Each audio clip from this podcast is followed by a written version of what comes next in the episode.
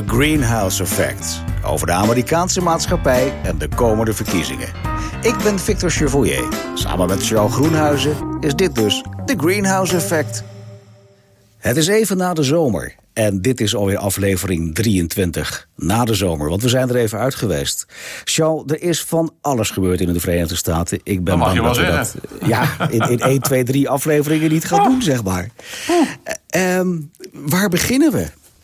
Help. Ik, ik word helemaal niet goed. We hebben het over corona. We hebben het over inmenging eh, in de verkiezingen van eh, Rusland of China.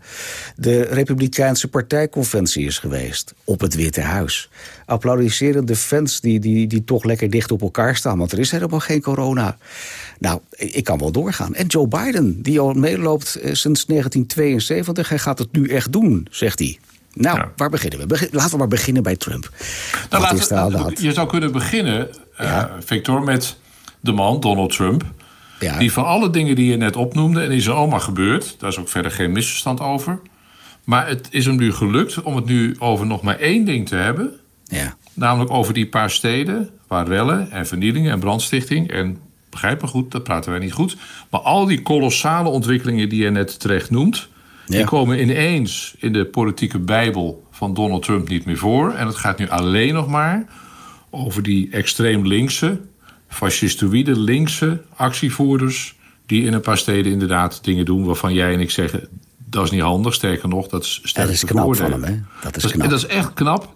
Ja. En misschien kunnen we het straks nog over hebben als je het ook vergelijkt met 2016. Mhm. Donald Trump is in één ding heel goed en voor zijn tegenstanders levensgevaarlijk. Hij weet op een briljante manier dingen te agenderen, maar weet ook op een briljante manier dingen die er echt toe doen van die agenda af te voeren. En daar is hij nou volop mee bezig. En het zou, het zou Joe Biden de nek kunnen kosten. Want heb je enig idee hoe de cijfers er nu voor staan? Als we, als we, want we zijn ooit begonnen met dit hele verhaal... omdat het over verkiezingen ging. Nou, dat is een beetje naar de achtergrond bijna. Ehm, maar hoe staan de verkiezingen er op dit moment voor? Je ziet op dit moment eh, Joe Biden, eh, die, die houdt een forse voorsprong. Ik zit er wel, eh, ik zit te praten, zit ik het even aan te klikken. Ja. Dat is ietsje teruggelopen. De, de poll die ik gebruik is van de website, die hebben we wel eens eerder genoemd, 538.com. 538, maar dan dus in het Engels uitgeschreven. Het slaat op het aantal kiesmannen, wat op 3 Ja. november aan de orde is. 538, dus 538.com. Wat ze daar doen, eh, is eh, een groot aantal opiniepeilingen eigenlijk op een hoop gooien en die door elkaar husselen en dan kijken wat is nou uiteindelijk het gemiddelde wat je daar ziet. Nou, dan, ik zal je eh, niet, niet te veel cijfers noemen, maar pakweg nou, ruim een week geleden stond Joe Biden daar op, even kijken hoor, zo 51,4 procent en Trump op 42. Nou, je ziet nu dat Trump bijna ongeveer gelijk gebleven is, maar dat Biden 1 à 2 procent is teruggelopen. Ik kan ook nog even kijken, terwijl we zitten te praten, naar eh, de poll van The Economist. Eh, die is ook aan te raden, die op een andere manier te werk gaan eh, dan eh, bij 538. Dat is echt rechtop en neer gewoon een opiniepeiling. Wat Ja. de Economist eh, elke keer doet op een, ja, vind ik wel een hele briljante manier, is kijken, ja, ja, ja, we kunnen wel stemmen tellen. Of mensen die zeggen, ik stem op Trump of op Biden. Maar je moet eigenlijk moet je kijken van wat betekent dat dan uiteindelijk voor dat Ja. fameuze Electoral College.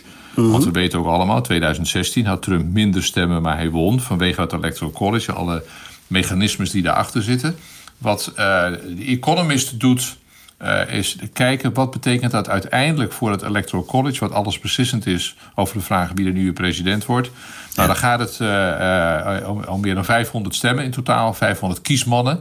Daar zie je nu, in de stand van nu, Biden 341 en Trump 197. Oké. Eh, dan kom je nog niet helemaal aan dat getal, maar dat, dat is nu ook, in de afronding is dat wat ze nu doen. En dan kun je ook nog aanklikken chance of winning. En volgens die Economist poll is de chance of winning voor Biden 87% en voor Trump op dit moment 13%. En dat slaat dus op de dag van vandaag. We praten Ja, nu, we dus nemen het op kan- op 1 september. kan alle kanten En, op. Ja, omdat er ook veel verwezen wordt natuurlijk naar de ervaring van 2016 met de opiniepeilingen. Toen Ja. de meeste peilingen zeiden, eh, nou nee, die, die Hillary Clinton gaat dik winnen. Was dat verschil toen even groot als nu? Ja, dat hangt er een beetje vanaf waar je kijkt. Toen was er ook een fors verschil. Iets verder voor de verkiezingen nog weer iets groter enzovoort. Maar in ieder geval is de ervaring van 2016 pas op met die opiniepeilingen. Tegelijkertijd zeg ik dan op mijn beurt daar weer over pas op. Want naar mijn oordeel zijn er toch wel een paar ontwikkelingen en een paar omstandigheden die uh, het, het, het, hele kracht, politieke krachtenveld toch iets anders uh, zou kunnen inrichten dan in 2016. Heel simpel. Ja, geef eens voorbeeld. Uh, Joe, Joe Biden is een volstrekt andere kandidaat dan Hillary Clinton. In 2016 zijn op het laatste moment, in de laatste weken voor de verkiezingen, zijn veel twijfelende kiezers overgelopen van dat twijfelende midden naar Donald Trump. Ja. Uh, wat en dat had ermee te maken met de populariteit van uh, mevrouw Clinton, zeg maar. Uh, heeft Joe Biden evenveel vijanden als Clinton in die tijd had? Nee, terecht dat je zegt, heeft hij evenveel vijanden? Want Hillary Clinton had heel veel vijanden. Of ja. vijanden, in ieder geval mensen die een hekel aan haar hadden en hebben. Ja. Kun je van alles van vinden, maar het is gewoon een feit.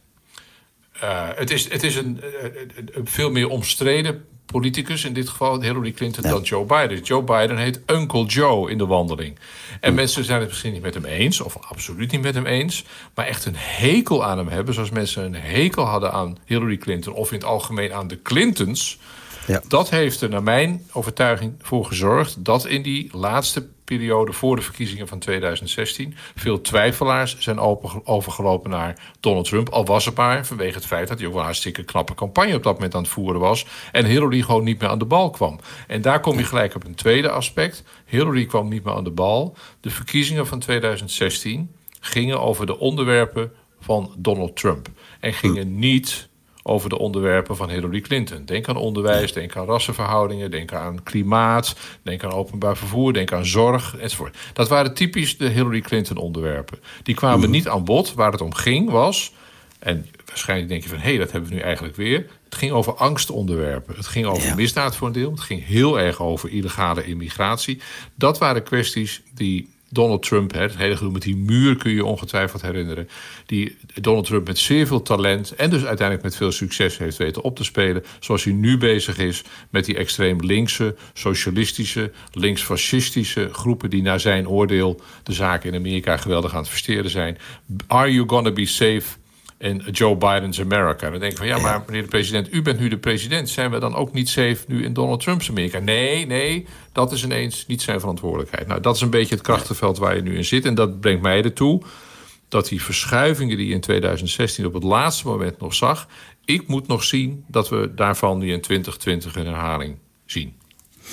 Ik uh, proef ook bij jou enige partijdigheid. In de zin dat. Um, um, ik, ik heb wel eens luisteraars gehoord die zeiden van. Nou, jullie zijn wel erg links. Ik vind het zelf wel meevallen. Ik, ik hoop dat we toch een beetje bekend komen dat we daar wel het midden in zoeken. Um, als jij voordelen moet noemen van het moment dat eh, Trump aan de macht blijft, zijn die er eigenlijk naar jouw idee? Het hangt er een beetje van af uh, of hij ook een meerderheid in de Senaat krijgt. Als hij ook een meerderheid in de Senaat houdt, die hebben de Republikeinen nu, dan is hij wel heel erg ongecontroleerd. Het Amerikaanse systeem gaat er ook wel een beetje uit, van uit dat je in ieder geval flink veel periodes een, een, een, verdeelde macht hebt. In de zin dat je bijvoorbeeld een republikeinse president en een democratisch congres hebt of omgekeerd. Op het moment dat, een voordeel? nou ja, dat, kan, dat houden, ze, houden ze elkaar iets meer in evenwicht. En in het geval van Donald Trump uh, op het moment dat hij uh, ook een, de meerderheid in de Senaat houdt, dan kan hij de politieke balans, ook door het Supreme Court bijvoorbeeld, wel heel erg naar rechts trekken. Maar goed, dat is dan, als de Amerikanen dat willen, dan is dat zo.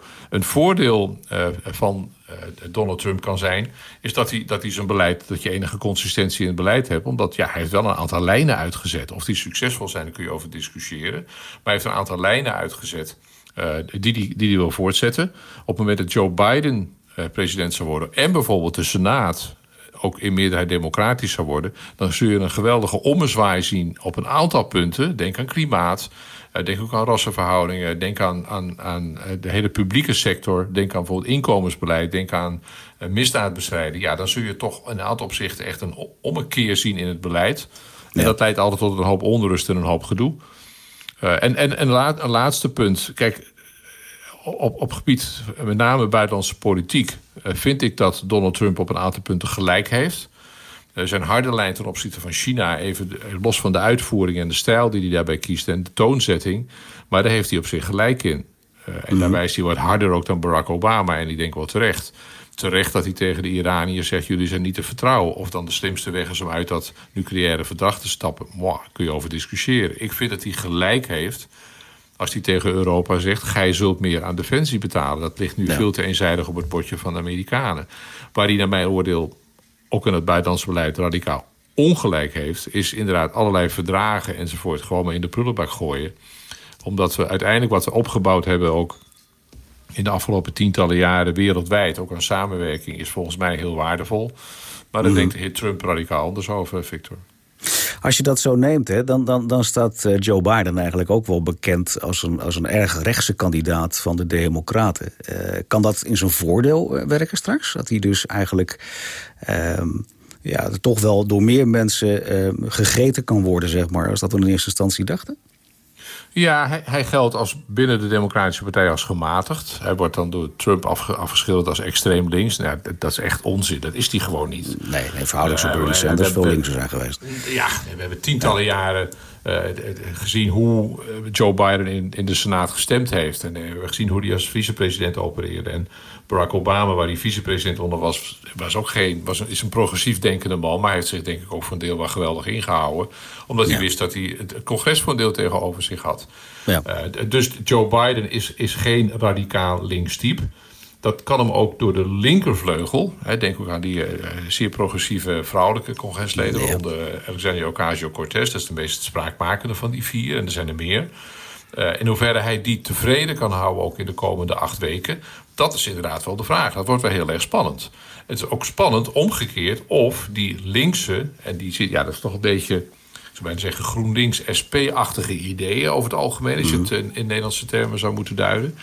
Of die linkse kandidaten die een forse vleugel van die partij vertegenwoordigen. Daar kun je niet omheen. En dat wordt alleen maar ook sterker. Met name ook door de invloed van jongere kiezers die over het algemeen vrij links zijn. De vraag is of die progressieve, spraakmakende, smaakmakende politici binnen die democratische partij bereid zijn om even op hun tong te bijten en even op hun handen te gaan zitten en zeggen van wij gaan nu voor Joe Biden. Op het moment, en dat is in het verleden vaak vertoond natuurlijk, op het moment dat die gaan lopen mopperen, uh, Joe Biden is niet links genoeg, op het moment dat die gaan eisen van Joe Biden... als jij president wordt, dan zullen wij ervoor zorgen... dat je eindelijk eens een keer een behoorlijk klimaatbeleid gaat voeren. Of dat je eindelijk eens een keer een behoorlijk beleid... voor zwarte Amerikanen gaat voeren. Begrijpelijk allemaal, ik snap dat. Uh, je kunt het beredeneren. Maar het zou in het huidige krachtenveld... waar Joe Biden alle steun kan gebruiken die hij nodig heeft... of die hij kan krijgen... Uh, zou dat vanuit die linkervleugel, naar mijn oordeel... misschien wel heel principieel en politiek begrijpelijk maar politiek strategisch en vanuit machtsdenken zeer onverstandig zijn. Maar dat betekent toch niet dat die mensen dan op Trump gaan uh, stemmen? Ze nee, maar als, onthouden van stemming of zo. Maar... Ja, kijk, Joe Biden is nu natuurlijk heel erg op zoek naar een boodschap. Wat ik net zei, dat Trump zo, zo ontzettend handig is in het agenderen van onderwerpen die hem goed uitkomen. En het de kant schuiven van onderwerpen die hem even minder goed uitkomen. Het is heel erg lastig, dat hebben we ook in 2016 gezien.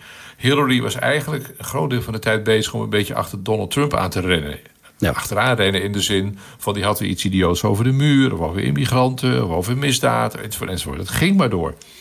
En Hillary was alsmaar bezig om daarop te reageren en kwam daardoor niet in de wedstrijd kwam niet, zoals trainers wel eens zeggen... we zijn vandaag niet aan voetballen toegekomen. Nou, dat is wel vrij treurig als je 90 minuten je suf gerend hebt over het veld.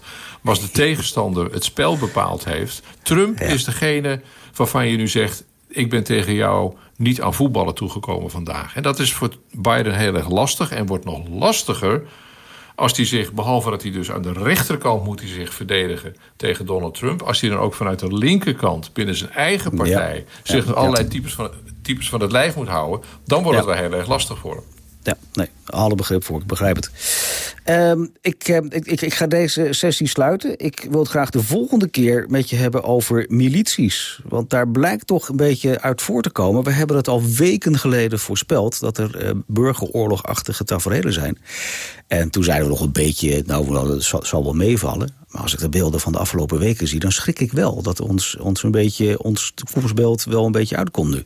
Ik, ik, was toen heel terughoudend met het gebruik van het woord burgeroorlog. Omdat je dan ook... Ja, niet, niet, dat wij geest uit de fles halen, Victor. Dat, dat, is dat hoop ik niet. Dat hoop ik niet. Nee. Maar ik, ik vind ook dat je, dat je in je toonzetting. Eh, dus ik probeer het wel zuiver te houden in de zin dat ik probeer echt te zeggen wat ik vind. En wat ik denk en wat ik verwacht. Maar het, het, het woord burgeroorlog. Het, het, is niet, het is niet verder. Het is iets, iets naar ons toegekomen. Dat vind ik wel verontrustend inderdaad. In de volgende aflevering hebben we het er graag over. Tot dan, show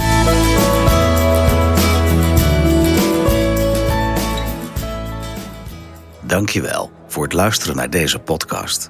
De Praatkast. Gesprekken die ertoe doen.